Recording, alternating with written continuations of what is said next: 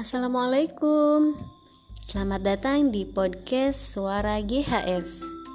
Di sini GHS akan mencoba unjuk sulih suara melalui cerita, kemudian bacaan kisah-kisah, mengaji, berdoa, juga ada emak dan bapaknya yang ikut serta.